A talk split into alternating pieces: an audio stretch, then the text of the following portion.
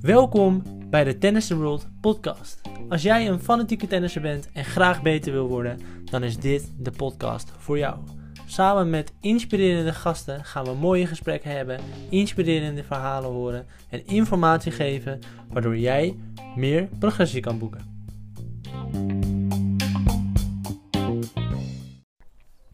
Podcast nummer 2 met Etienne Hartenveld. En dit onderwerp, herstel, vind ik onwijs interessant. Voornamelijk omdat ik ook merk dat als je alleen maar blijft gaan, ja, na een tijdje ben je dan gewoon onwijs moe. Tenminste, dat heb ik. En dan ben je minder te genieten voor de mensen om je heen. Uh, op de baan ben je minder aan het presteren. En het is dus een hele belangrijke factor om ja, goed te gaan presteren op en naast de baan. En het is even geleden dat Etienne en ik deze podcast hebben opgenomen. Uh, maar in de tussentijd ben ik vooral meer gaan focussen op het gedeelte van slaap.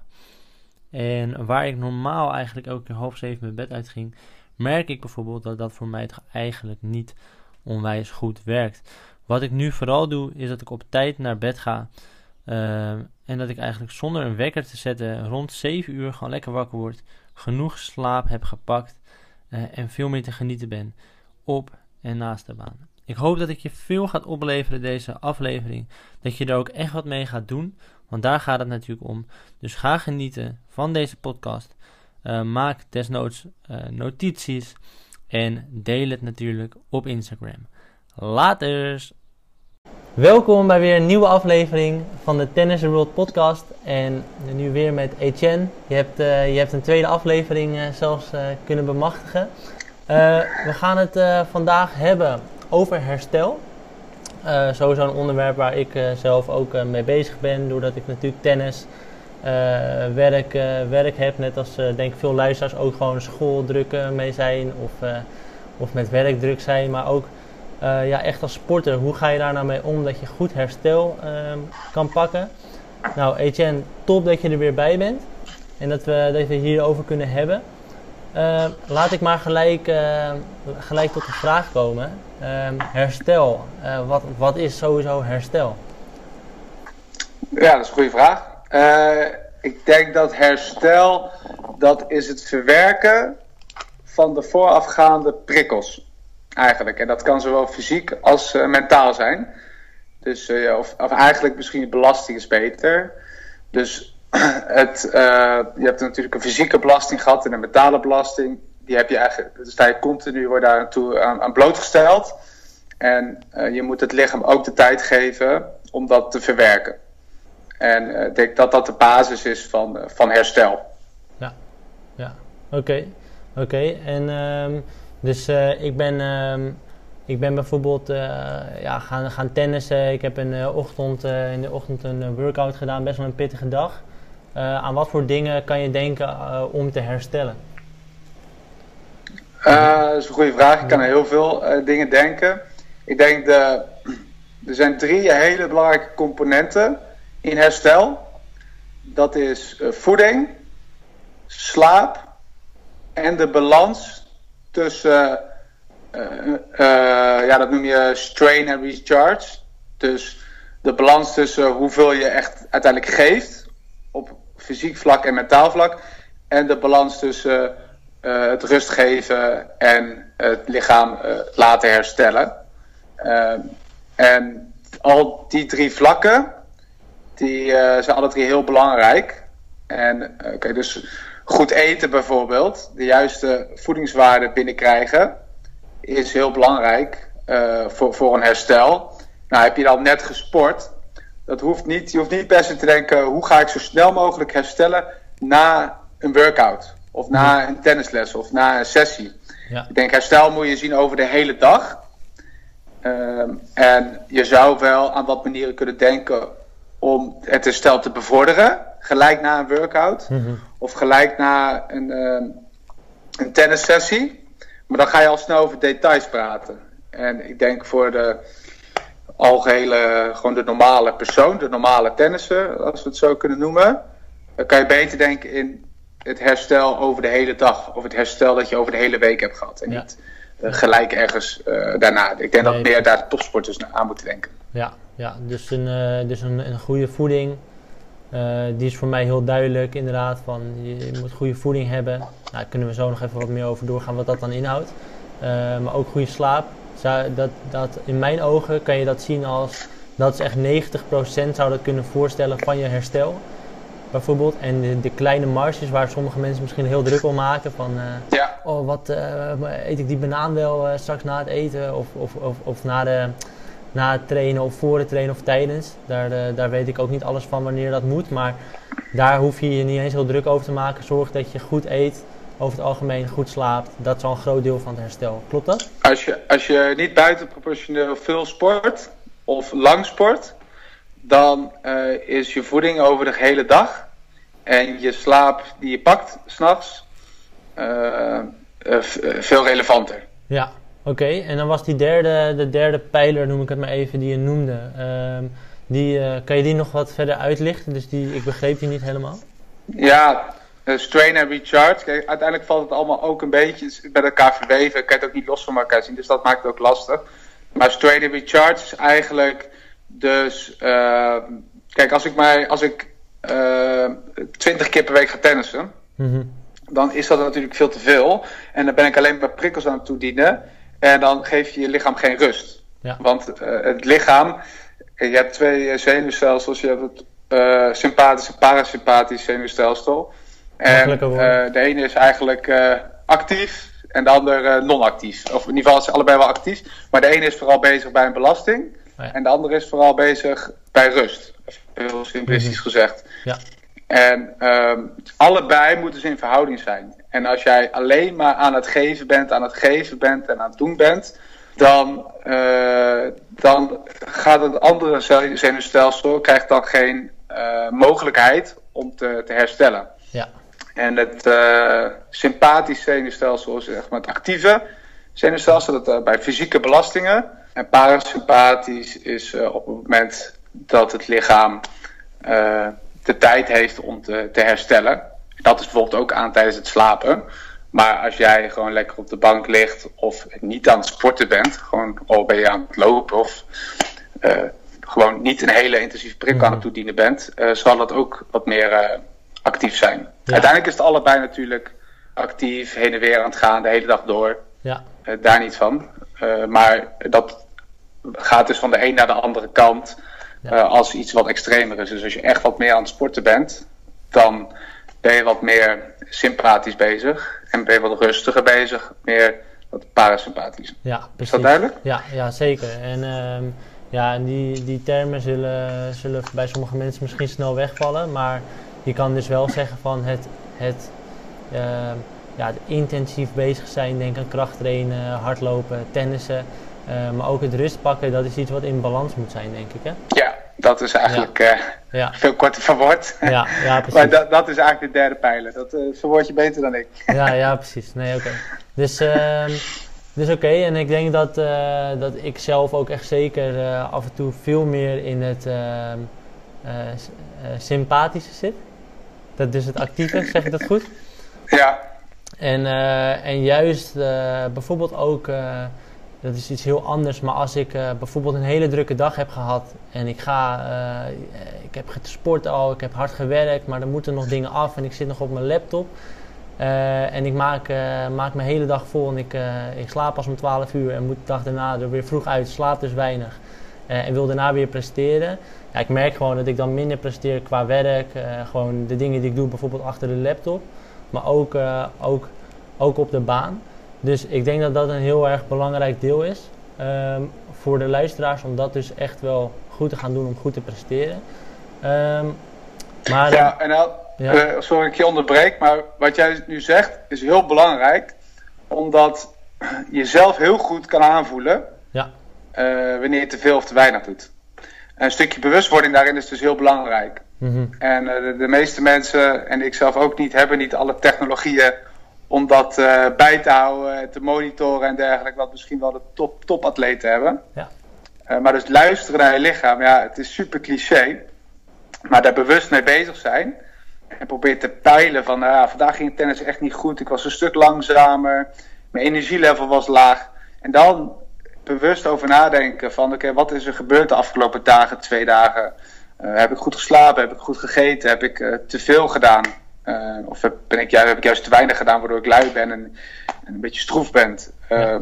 Die manier is heel belangrijk om na te denken. Ja, ja precies. En, en denk, denk gewoon door. Ik hoop dat als je dit hoort, dat je dan inderdaad gewoon. Dat, dat helpt mij in ieder geval. Ik heb wel eens van dit soort advies ook wel eens gehoord of, of gehad. Van dat dit een, een, manier is om jezelf inderdaad vaker misschien af te vragen. Van ben ik misschien heel erg bezig met juist de rustkant of met de inspanningkant. Uh, en dat op die manier je altijd wel kan helpen. Ik, ik herken dit wat je zegt heel erg in uh, uh, dat ik wel eens, ik kan wel eens te laat zijn. Maar ik heb altijd een moment dat ik denk, nu zou ik eigenlijk moeten gaan. Bijvoorbeeld, ik zou nu eigenlijk met de fiets moeten gaan. Dat is een soort gevoel dat je krijgt. En soms dan heb ik nog de neiging om dan nog even snel dit te doen. En ik denk dat het met voeding een beetje hetzelfde, of, of voeding met, uh, met herstel een beetje hetzelfde werkt. Van je voelt het wel en ga er ook echt naar luisteren. Uh, al, is het, al is het soms misschien een beetje, uh, ik ben benieuwd hoe jij er naar kijkt. Is dat soms een beetje de, de saaie de saaie kant? Dus de, de saaie kant dan de, de, de rustkant voor veel mensen, denk je? Of, uh... Nee, ben ik, ben ik het niet mee eens. Oké. Okay. Dat, is, is de verkeerde manier om naar te kijken. Want goed herstel, dat is misschien nog een pijler die je aan toe kan voegen. De, dat is geluk. Hm. En je ziet mensen die gelukkiger zijn, herstellen veel beter, minder ja. blessures, noem maar op. Hm. Die pijler is eigenlijk ook heel belangrijk. Dus we voegen er even een vierde pijler bij toe. En je kan echt genieten van rust. Ja. En, en, en um, voor iedereen is dat wat anders. Hè? En ja, dus dat is ook een uitdaging bij herstel. Erachter komen waar jij van geniet. Erachter komen waar je ook energie vandaan haalt. Dus uh, voor de ene is dat misschien Netflix kijken. Uh, ik zelf heb dat bijvoorbeeld minder. Als ik buiten gewoon rustig lekker in het park ga lopen dat is voor mij veel bevorderender voor mijn herstel. Ja, mooi, ja. Maar uh, jij kan ook heel lang zo door blijven gaan. Ook de manier waarop je leert. Weet je wel, vind jij, kan jij beter gewoon drie uur achter elkaar leren. En dan vervolgens wat anders doen. Of deel je het liever in blokken op. Is dat voor jou uiteindelijk, ondanks het ook weer, weer op drie uur uitkomt, minder belastend voor jou. Dus herstel is super persoonlijk. En daar is geen plan voor neer te leggen. Nee. Dat is ontdekken. Uh, en dat ligt toch grotendeels in handen van de speler zelf. Ja, ja, precies. En ik denk ook hierin, uh, wat je eigenlijk al zegt, um, en dat geldt overigens heel vaak met uh, de adviezen natuurlijk, maar het zijn ideeën of, of meningen van, van ons. Uh, of, van, of van jou nu ook, waarbij het inderdaad, jij wel kan zeggen van ga inderdaad rusten met Netflix, maar inderdaad, je, wat je zegt, ga op zoek naar jouw manier van rust of de manier waar jij inderdaad gelukkig van wordt, des te beter herstel je. Ja, hele mooie. Ja, en, en, en het, nu zitten we echt. Uh, het klinkt een beetje gek, maar de belasting die je toedient heeft ook effect op het herstel. Dus natuurlijk, hoe heftiger een belasting is, hoe langer het duurt voordat je herstelt. En uh, misschien niet altijd volledig de aandacht. Het is misschien niet belangrijk om volledig de aandacht te geven op alleen maar dat stukje hoe herstel ik, hoe herstel ik is.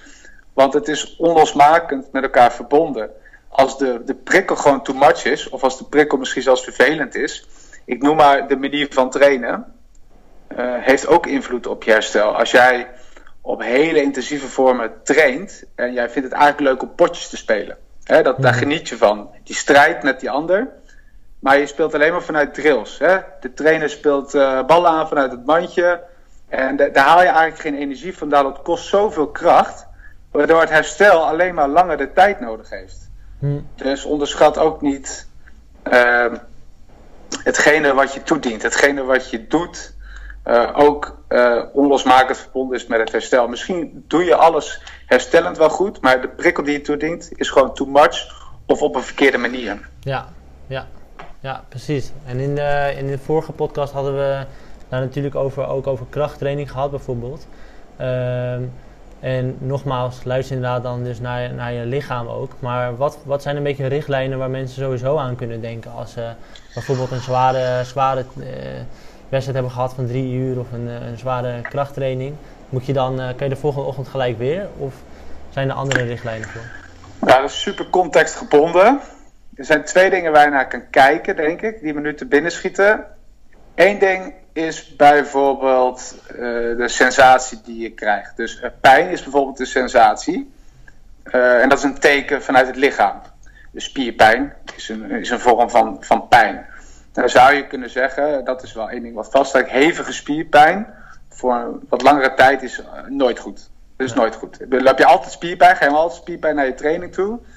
Uh, dat, is, uh, dat klopt niet. Dat, dat kan niet zo zijn. Een klein beetje spierpijn zou je wel kunnen zeggen, nou dat, dat is wat logischer en daar, daar zou je wel wat meer mee kunnen doen. Het probleem een beetje met pijn is, is dat het ook heel persoonlijk is en subjectief. En het is een sensatie, het is een teken, maar het hoeft niet de werkelijkheid te zijn. Bijvoorbeeld, het is bekend dat vrouwen minder spierpijn hebben. Dus daar is al een verschil tussen vrouwen en mannen. Uh, jeugd heeft ook veel minder last van spierpijn dan, dan volwassenen. Dus je kan deels wel afgaan op de spierpijn die je hebt, maar het is niet de volledige werkelijkheid. Het is maar een teken van het lichaam. Um, dus sommige mensen die hebben weinig spierpijn, maar kunnen wel te veel doen. Hmm. En dan moet je dus eigenlijk kijken naar andere zaken.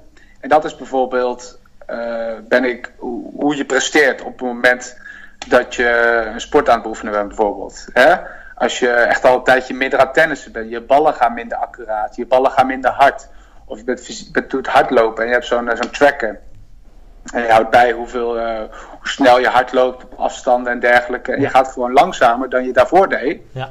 Dat is vaak een teken dat, je, uh, dat het niet in balans is. Ja, precies. Da en dan ga je achterhalen hoe zorg dat ik het in balans krijg. Voeding, slaap, meer, uh, minder trainen en dat soort zaken.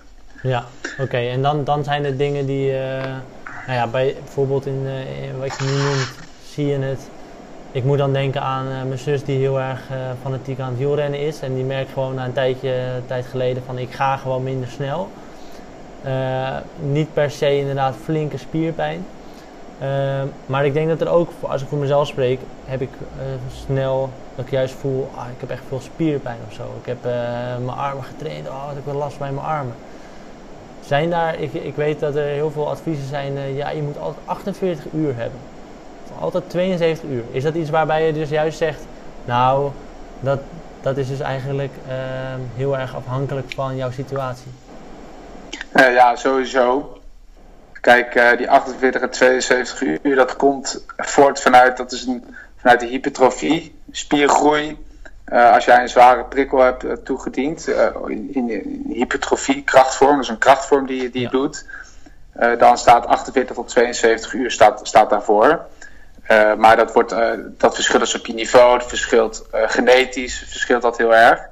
maar dat, dat komt vanuit een bepaalde krachtsvorm. Maar als je weer andere vormen doet, ja, we gaan niet te diep op in, maar als je maximaal kracht doet of als je uithoudingsvermogen doet, dan staan weer andere normen voor. En dat is ook weer persoonsgebonden. dus dat is wel heel moeilijk te zeggen. En zeker omdat dit is een mix tussen ja, je komt, ik, ik ben nog geen handleiding tegengekomen van, uh, nou, heet je Etienne Hartenveld, uh, ben je 25 jaar oud, is dit je sportervaring? Uh, doe je zo, dan moet je zoveel keer per week krachttraining en zoveel keer per week tennissen. Maar je moet deze trainingsvormen qua tennis doen, want die trainingsvormen zijn zo belastend. En dan doe je misschien op maandag doe je drills en op woensdag doe je een wedstrijd, want de wedstrijd is zo belastend. Nou, ga zo maar door. Ja. er zijn zoveel dingen van invloed. Ja. Alle, alles, echt ja. letterlijk alles. Lichamelijk, uh, maar ook psychisch, dit, dit, dit, dat is niet zo simplistisch neer te zetten van nou, eh, je kracht tegenaan, zoveel uur rust. Uh, uh, het is wel iets makkelijker in kaart te brengen als je alleen maar krachttraining doet. Dat is waar, dat is ja. zeker waar. Maar doe je tennis en krachttraining, um, vind ik dat wel moeilijk in kaart te brengen. Maar misschien wel goed om te zeggen is bijvoorbeeld, ja, je had een vraag gekregen hè, uh, van een uh, meisje via het platform, hè? Ja, klopt. Uh, het was, ik denk dat je hierop doelt, is het dan het, het pijntje die je krijgt en hoe weet je nou of het een serieuze blessure kan krijgen? Wat doe je die? Nee, ik bedoel eigenlijk, uh, toen had je mij gevraagd van, wat, wat is daar Oh, die binnen het, oh, zijn, ja, dit ja, tennis heel ik veel? weet welke je bedoelt, ja. Ja, ja, die vroeg van, als ik nou uh, nu alweer de baan op mag, uh, heel elke dag op de baan sta. Over krachttraining, kan ik dan nog krachttraining doen? Ja, ja sowieso klinkt dat best wel veel. Maar het gaat er wel om dat op het moment dat je nog geen krachttraining, als je daar nog geen ervaring mee hebt, uh, dan moet je er bewust van zijn dat je dus meer gaat toedienen. En dan kan het bijvoorbeeld verstandig zijn om tijdelijk één keer per week minder te tennissen. Ja. Uh, wat krachttraining, dat, dat is wel zo. Dat kan best wel belastend zijn voor iemand. Als die daar eigenlijk niet zoveel ervaring mee heeft. Mhm. dat, dat is best wel een groot verschil. Wat, zoals we in de vorige podcast hebben uitgelegd. Als iets totaal niet in de buurt komt van wat je gewend bent. Dan zal de prikkel een stuk groter zijn. Ja. Uh, de, en het effect en de spierpijn en de vermoeidheid zal een stuk groter zijn. Ja. Dus ehm, dat is wel uh, misschien hè, om toch concreet, wat concreter te worden. Ben je er nieuw mee? Of ga je, uh, al, al, heb je wat meer ervaring met krachttraining, maar ga je een nieuwe krachttraining vorm doen, dat je niet gewend bent, dan zal het effect en de vermoeidheid altijd groter zijn. Mm -hmm. ja. En uh, dat is wel belangrijk om, om, daar rekening mee te houden. En dan zou ik toch, hè, die, die eerste twee punten die we bespraken, hoe ver is de sensatie, wat voel je? En in hoeverre uh, heeft het effect op je prestatie? Ja, ja precies. En, en daarin is het misschien dan um, voor de luisteraar zo te brengen van je hebt deze informatie, je krijgt eigenlijk tools van ons, van daar kan je aan denken. Uh, dit zijn vormen voor herstel of manieren van trainen. Uh, maar om het echt voor jouzelf, ja, er zijn natuurlijk wel persoonlijke uh, plannen die misschien voor iemand kan worden gemaakt over hoe je dan beter herstelt. Maar heel belangrijk om basiskennis van te hebben en vooral naar jezelf te luisteren, naar je lichaam te luisteren. Om op basis daarvan ja, acties te ondernemen of juist dus te herstellen. Ja, kijk, uiteindelijk is het een soort ontdekkingsreis. Ja. En uh, niemand die het antwoord weet, de trainer niet en de speler ook nog niet. En, de, en elke keer moet je weer opnieuw naar die ideale verhouding. Elke dag weer, elk jaar weer. En, uh, kan, en misschien is het niet het uh, meest sexy antwoord dat ik geef. Want ja, mensen willen uiteindelijk toch gewoon inderdaad 48 uur bang. Oké, okay, 48 uur weet ik. Of weet je wel, die wel gewoon een kant-en-klaar antwoord. Tuurlijk, dat is ook lekker. ja. Dat is gewoon lekker. Ja. Maar ik kan je nu al vertellen, als er een kant-en-klaar uh, antwoord is, dan is het vaak niet een heel goed antwoord. Dat is met bijna alles zo in mijn vakgebied. Ja. Als iemand pretendeert het te weten voor iedereen, dan uh, zit hij daar uh, 99,9 keer naast. 99,9% van de keren zit hij ernaast. Ja. Ja, uh, probeer met die tools, dus laten we het even sensatie en prestatie noemen. Dat klinkt, dat klinkt wel lekker. probeer met die tools probeer daarmee op ontdekkingsreis te gaan. Nou, filosofisch kan het niet, maar ik Ja. denk echt dat dat heel eh, relevant is. En blijven proberen, blijven zoeken, luisteren, kijken, observeren. Ja, precies. Ja. En, eh, en zoals inderdaad ehm, eh, Lisa heet zij eh, in het platform vroeg over zo'n vraag. Of zij vra- vraagt dat in het platform. Ja, dat kan dus sowieso bij Tennis World, dus binnen het platform dat je ook vragen stelt. En daar kan ik antwoord op geven, kan Etienne antwoord op geven. Ehm, maar daarin, daarin kan je dus nog wel geholpen worden en kunnen we inderdaad naar je situatie kijken. Ehm, Ja. Maar ik denk dat je zelf inderdaad al best wel ver kan, ver kan gaan. Ik, bedoel, ik heb zelf gemerkt dat ik eh, in mijn wedstrijd, want dat is ook nog een onderwerp denk ik dat heel mooi is. Maar ik heb, ik heb dus last nog steeds van mijn arm, wat ik eigenlijk in het najaar, in september, ja, vanaf begin september vorig jaar eh, begon te krijgen. En ik zat midden in de competitie en dat vond ik belangrijk. Maar ik merkte, de spieren zijn er eigenlijk gewoon helemaal klaar mee. Het gaat niet goed. Eh, toch doorgegaan. Terwijl eigenlijk alleen maar mijn lichaam schreeuwde van... Neem gewoon rust. Ga niet meer tennissen. En daarin is een voorbeeld dat ik het dus niet goed deed. En nu nog steeds mee zit. Dus geeft aan hoe belangrijk het eigenlijk is om daar inderdaad naar te luisteren. Ja, ja, zeker. Je moet er proberen objectief naar te kijken. Dat is heel lastig, hè? Ja, Zeker hè, eh, als enthousiasme daar, daarbij komt. Eh, maar bijvoorbeeld, ik heb nu eh, echt last van mijn linker hamstring. En ik heb eergisteren uh, onder andere mijn hamstrings getraind. En ik, probeer, ik was er echt bewust bij nadenken. Ik snapte het niet helemaal, want ik had helemaal voor mijn gevoel niet zoiets bijzonders gedaan. Maar ik probeerde echt aan mezelf uh, terug te halen. Van oké, okay, wat, wat, wat, ging er fout? Hoe, hoe, kan ik nu last van mijn hamstring hebben? mm -hmm. hoe heb ik geslapen afgelopen dagen? Hoe heb ik gegeten? Uh, heel, ik krijg best wel directe feedback van het lichaam. Heel fijn is dat. Niet altijd, maar meestal krijg je best wel directe feedback. Um, uh, probeer dan echt te kijken, oké, okay, wat, wat heb ik nou gedaan? Wat ging er anders dan, dan normaal? Ja. ja, ja, precies. En dan kom je al tot heel veel. Ja, ja. ja hey, en dan um, Want dan hebben we, nou ja, we hebben zoals je zei in het begin, uh, je hebt dus voeding, hè? Je, hebt, je hebt slaap. Um, wat, uh, wat, wat een vraag was ook binnen Instagram was, uh, welke voeding kan je voor, tijdens en na een wedstrijd nemen? Ja, goede vraag. Um, nou ja, zoals ik al zei, laten we zeggen, de basisvoeding is op orde. Hè? Laten we het daarop houden. Van over het algeheel eet jij gewoon goed. Ja. Dan ga je daarna kijken, hoe kan je dat perfectioneren met sportspecifieke voeding noem je dat. Hè? Dus inderdaad precies wat, uh, uh, wat zij of hij, ik weet niet wat het is, wie het is, maar wat diegene vraagt. Uh, wat doe ik voor, tijdens en na? Belangrijk om te weten is, allereerst, sport jij niet langer dan anderhalf uur intensief, dan heb je niet extra heel net voor het sporten tijdens of net, nou laten we zeggen net voor het sporten of tijdens sporten, heb je niks extra's nodig. Dat is belangrijk. Maar een wedstrijd kan altijd langer mm duren. Ja.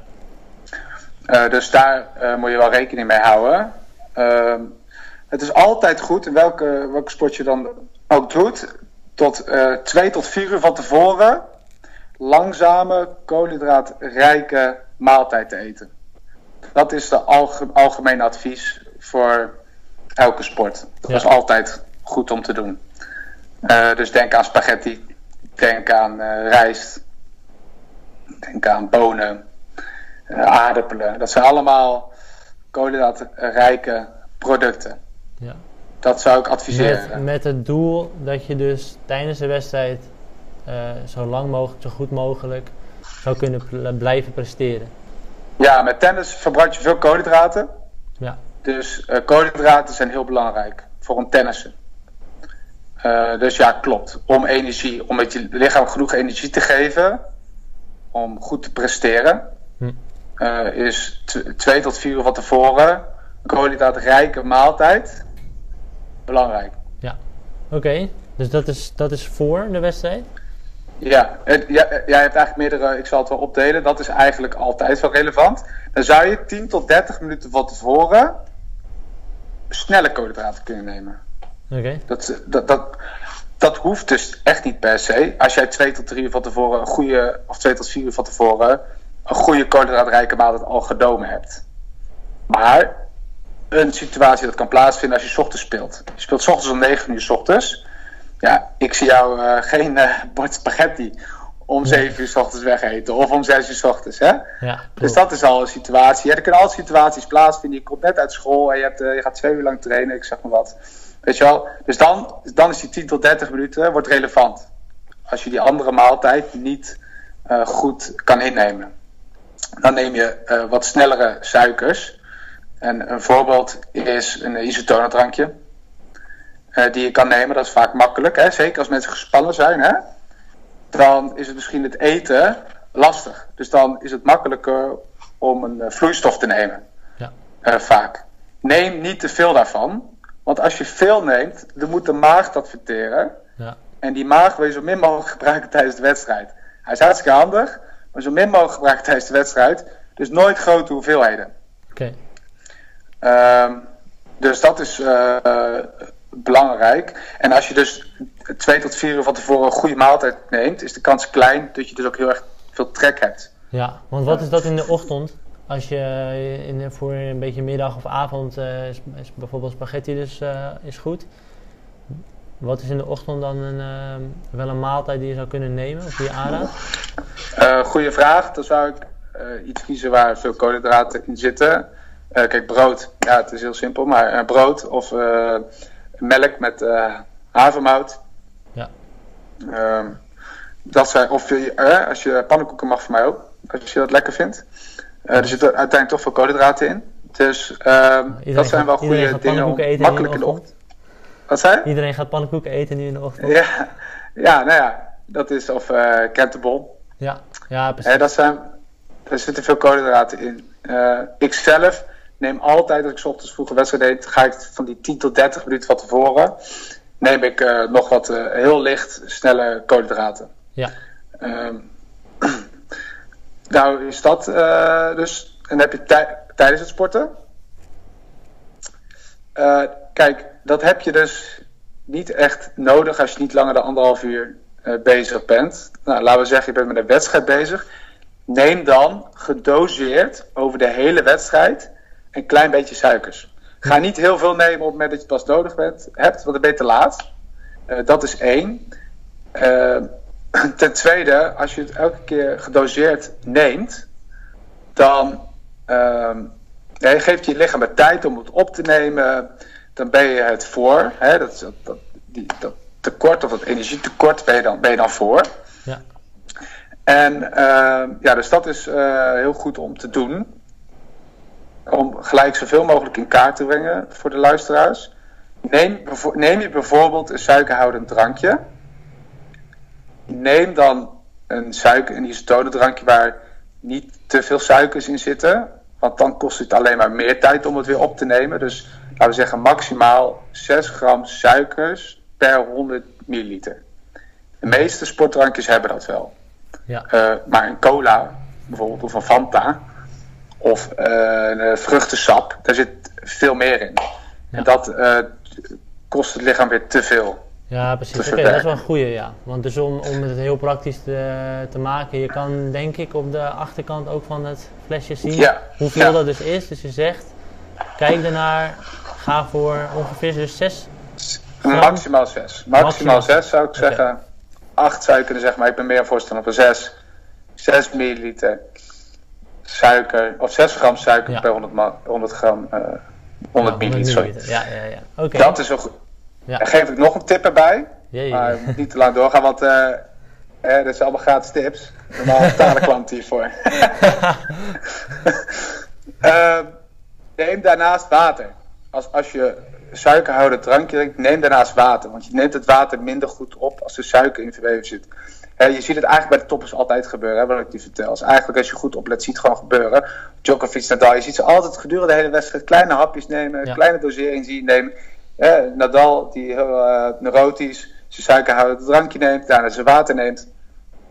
Uh, dat doet hij altijd allebei tijdens een wissel. Hè. Een wissel is een geweldige mogelijkheid voor de tennisser om elke keer kleine doses te nemen. Een voetballer kan alleen tijdens de helft, in de helft misschien eventueel wat, wat, wat bijnemen. Alleen heeft de voetballer een voordeel dat hij maximaal 90 minuten voetbalt. Dat is ook wel weer zo. Dat is weer voorspelbaar. Uh, maar ik bedoel alleen te zeggen dat die wissels erg handig zijn. Ja, ja precies. Voor de tennissen. Oké. Okay. Heel mooi. Uh, en dan na het sporten, ja, kijk, zoals ik al zei, ik, ik ben erachter gekomen dat uh, de, de, de eiwittenshakes zijn blijkbaar heel populair onder de jeugdspelers, de, de prestatieve, okay. prestigieuze jeugdspelers. Ja, zoals ik al zei, als je het, bij dat helemaal uh, zorg dat je algehele voeding goed is. En ja, daar moeten we een andere podcast misschien uh, voor opnemen. Maar uh, dan, uh, dat is zoveel relevanter. Je zou wat snelle suikers kunnen nemen na het sporten. Het kan sowieso geen kwaad. Je zou wat extra eiwitjes kunnen nemen na het sporten. Ja. Dat kan. Ja, precies. Maar, maar, de basis, die 90% waar ik mee begon, zeg maar, uh, om het ja, mij, in mijn hoofd in ieder geval te houden, dan, dan is dat de basis zit hem niet in, uh, in die eiwitshakes die je neemt. Eigenlijk is het al fout dat we hier zoveel aandacht aan besteden. Ja, laten we dat uh, En niet aan de, aan de basisvoeding. ja. Dus uh, daar gaan we het sowieso nog een keer over hebben. Ja. Want het is ook wat de vraag is dat je daar antwoord op wil geven. Ja, nee, precies. Nee, maar dat ja. is wel zijn, zijn goede. Dus ehm, ja, eigenlijk komt erop neer je hoeft je niet heel druk te maken over wat je, denk ik, vooral uh, de, tijdens, uh, ja, tijdens misschien nog wat meer, maar daarna vooral uh, qua basis. of de basis moet gewoon goed zijn. details zijn wat van minder belang. Maar daarvoor denk aan dus een spaghetti of, of bonen noem je ook, hè, volgens mij. Dat soort, of rijst kan je eten daarvoor en, en tijdens dus van die drankjes met 6 gram per 100 milliliter. maximaal, ja. Ja, maximaal. Oké, okay, top. Um, dus nou, die voeding, uh, daar kunnen we inderdaad uh, een andere keer ook echt uh, goed over doorgaan. Ik denk dat de mensen wel daar vragen over hebben. Allemaal wel eens met wedstrijden hebben gedacht van shit, ik heb, zit nog helemaal vol. Of juist niet, ik heb geen energie meer. Dus juist heel mooi om daarover te hebben. Ik heb mezelf er ook uitgenodigd voor een nieuwe podcast. Ik heb mezelf ja, ingevraagd voor een nieuwe doe je heel goed. Ja, da daarom ben je er elke keer weer. Als je de volgende keer weer doet, dan kunnen we gewoon door blijven gaan. Maar zo blijft de podcast ook lekker leven. Dus uh, ja. Top. Um, Maar eh, ja, en dan nog slapen. Ehm, ik heb eh, voor mezelf, eh, ik denk dat we daar ook gewoon even nog kort over, over kunnen blijven. Maar voor mezelf merk ik heel erg dat ik gewoon zeg van 8 uur slaap ongeveer. Daar doe ik elke keer op. En dat ik gewoon op een vast moment naar bed ga en op een vast moment weer uitga. Ehm, is dat, is dat, doe, doe, ik dat goed? Of, ja, zeker goed. Een vast slaapritme is. Het geluid viel even weg. Maar we zijn weer terug. We hadden het net over, als ik het goed heb, over het, ehm, eh, of ik het slaapgedeelte goed deed. Dus vaste momenten erin, vaste momenten weer uit. En ik probeer dus 8 uur slaap te houden. Uh, jij was het daarmee eens volgens mij?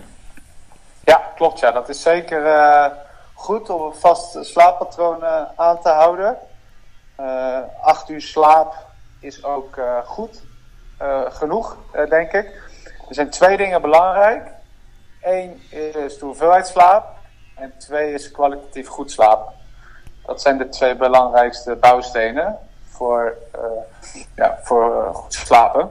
Ja. ja. En uh, nou ja, als we even hebben over de hoeveelheid. Het advies is voor volwassenen 7 tot 9 uur. Voor normale volwassenen. Sport je nou heel veel? Dan zou je misschien beter doen met een advies tussen 8 en 10 uur. Ja. Dus hè, uh, 8 uur is hartstikke mooi voor jou. Ja. En uh, ik zou zelfs zeggen, als je jeugd, hè, adolescent bent en sport je veel, dan zou ik zelfs zeggen 9 tot 11. Oké, okay, ja. Ja, en ik denk zelf dat dat voor veel mensen um, ja, een, uh, een stuk minder is uh, dat ze ieder geval een stuk minder slapen. En uh, het zal voor iedereen ook weer verschillend zijn. Maar voor mezelf is, vind ik 8 uur slapen moeilijk. Is dat voor jou ook zo? Dat je, kom je makkelijk aan, aan 8 uur slaap of meer? Of hoeveel doe jij? Ja, ik ben een hele makkelijke slaper. Ik kom wel aan de 8 uur. Ik slaap ook 8 uur. Dat is voor mij, die trouwens echt een master in slaap is. Ik weet niet of het echt zo is, maar ze zeggen Roger Federer. Ja. Ze zeggen dat hij 12 uur slaapt. Ja. Of het echt zo is, weet ik niet. Maar hij blijkt een master te zijn. En dat is ook wel de uitdaging van slapen. Een master worden in slapen. Het is echt, uh, je kan het echt zien als een vaardigheid. En uh, het is ook echt wel uh, een soort van trainbaar. Ja. ja. En dat, dat, is vaak ook wel, weet je wel, eigenlijk altijd als ik met atleten praat over slapen, is het eerste antwoord, ah, vaak, sowieso is het best wel iets persoonlijks. Dus uh, mensen zeggen het misschien nog niet. Het is niet het eerste wat je wilt bespreken eigenlijk, vaak. Mm -hmm. En uh, daarbij wordt, zeggen mensen al snel, ja, ik slaap goed. Um, maar uit mijn ervaring dan, hè? Ja. De mensen waar ik mee werk. Maar um, ik denk als je echt hè, voor je prestatie gaat, je hebt, ja oké, okay, ik slaap oké, okay, of ik slaap echt supergoed. Ja ik denk daar wil je eigenlijk, hè, wil je, wil je echt, ben je echt competitief bezig.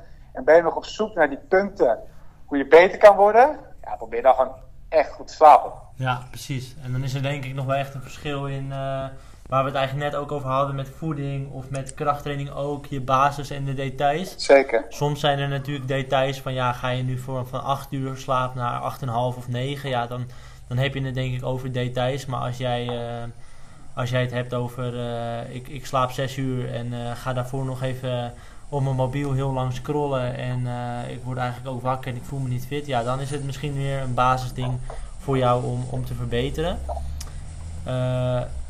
tenminste, dat is hoe ik er naar kijk. Ben je het daar ook mee eens? Ja, ja zeker. Ja. ja, kijk, dus de hoeveelheid slaap kijken is één. Maar ja, voelen hoe je geslapen hebt, dat voel je het best ochtends. Als je wakker wordt, het moet niet de bedoeling zijn dat je super moe bent de eerste half uur, het eerste uur bij het wakker worden. De ene is er misschien wat gevoeliger voor dan de ander, maar ben je altijd super moe ochtends, dan uh, is dat denk ik teken dat je je slaap kan verbeteren. Ja. En misschien wel moet verbeteren. Ja.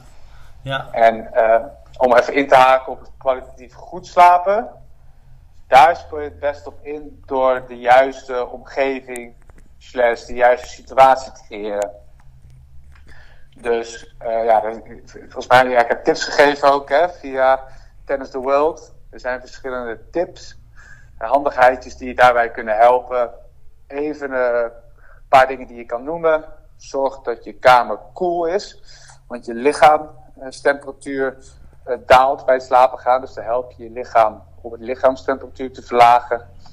Zorg dat, er, dat het donker is. zorg dat er weinig geluid is. Het liefst inderdaad geen schermen gebruiken voor het slapen gaan. Zeker niet in bed. Sla, ze zeggen, dat vind ik altijd wel komisch.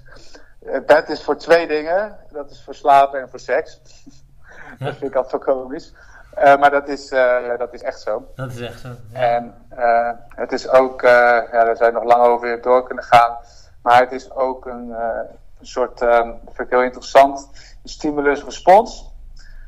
als jij gewend raakt om in je bed nog lang te, dingen te doen, dan leer je lichaam, dan leer je lichaam eigenlijk af om alleen maar te slapen in het bed. Dan, dan leer je lichaam om ook meerdere dingen te doen in het bed. Ja, dus precies. computeren en doen. En dat raakt het lichaam aan gewend. Maar eigenlijk, eigenlijk ook, dat is ook een hele bruikbare tip vind ik. Uh, je moet niet naar bed gaan als je niet moe bent. Oh ja. Je moet, dus hè, dat is, dat is een beetje, beetje tegenstrijdig hè, met die uren die we net zeiden. Je moet zoveel uur. Weet je wel, je kan als doel hebben om 11 uur naar bed te gaan. Maar als je niet moe bent om 11 uur, dan moet je niet naar bed gaan. Nee, nee, Want nee. dan ga je wakker liggen in bed. En dan ga je nog, dan ga je nog langer denken en doen. Dan word je onrustig. En, en dat, dat lichaam moet naar bed gaan als het moe is. Ja, ja. En daar nog een laatste tip aan toe te voegen. Dat, is een hele, dat vind ik nog relevanter. Uh, probeer wat minder bezig te zijn met hoe laat wil ik naar bed gaan.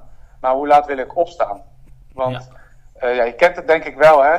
Vroeger, vroeger had ik dat in ieder geval. Tijdens de zomervakantie sliep je altijd. En dan komt de eerste schooldag er weer aan. En dan uh, moet je om 11 uur of, nou, ik weet niet hoe laat het toen was. Laten we zeggen, moest 10 uur naar bed.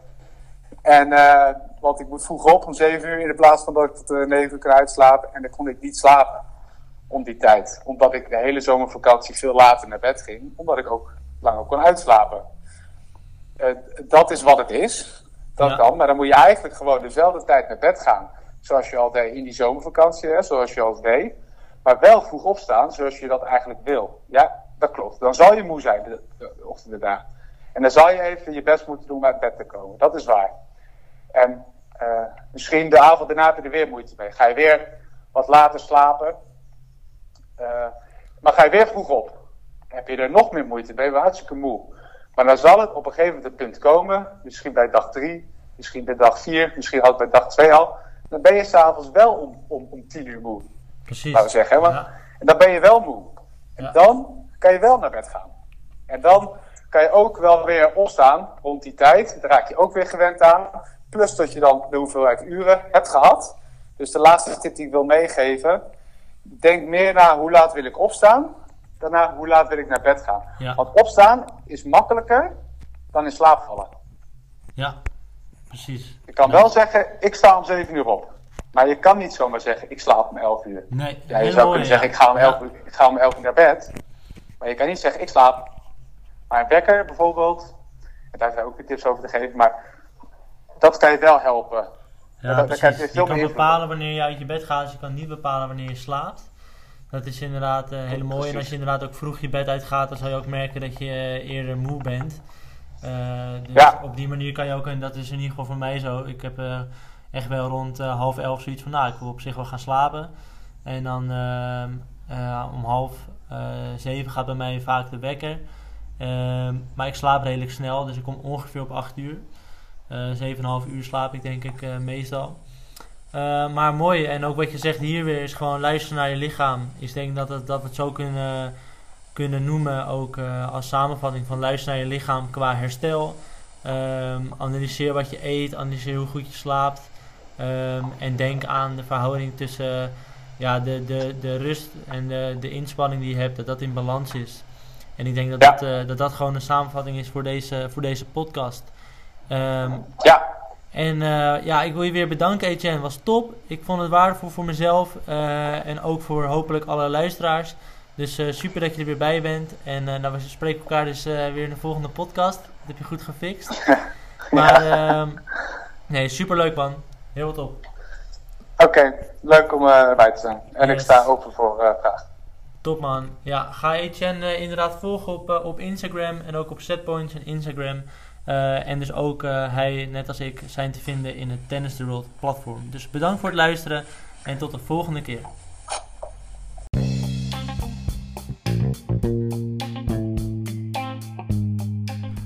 Bedankt voor het luisteren naar deze podcast aflevering. En ik hoop dat je er onwijs veel aan hebt gehad, maar vooral dat je hetgene wat je geleerd hebt ook gaat toepassen. Want zoals je weet, knowledge is potential, action is power. Alleen datgene dat je ook omzet tot actie gaat je resultaat opleveren. En ben jij zo iemand die ook echt tot actie wil gaan komen, zijn spel wil gaan verbeteren, ga dan naar www.tennistheworld.nl slash speler. Want wij brengen allemaal fanatieke spelers bij elkaar binnen onze community, waarbij we ervoor zorgen dat jij kan trainen wanneer je wil, geld bespaart en beter wordt. Want dat kan online natuurlijk super makkelijk, gemakkelijk en overal wanneer jij wil. En ben jij een trainer? Ben jij leergierig? Beheers jij de oefenmindset dat je altijd ook van anderen wil leren? Dan hebben wij ook iets voor jou. Waar ik heel erg in geloof en waar Tennis World ook voor staat, is het versterken van je omgeving. Jij bent je omgeving. En als trainer sta je er soms wel eens alleen voor. Dus hoe fijn zou het zijn als je ook jouw kennis met anderen kan delen, maar ook dat jij toegang hebt tot de kennis van anderen en dat je met elkaar kan gaan sparren. En dit is nog iets nieuws, maar ben je hier heel benieuwd naar? Ga dan naar www.tennisworld.nl slash trainer en daar zie je meer informatie en gaan we ervoor zorgen dat wij jou over dit concept op de hoogte houden. Dus ik zou zeggen, kom tot actie, deel het op Instagram en ga naar www.tennisworld.nl slash speler of www.tennisworld.nl slash trainer.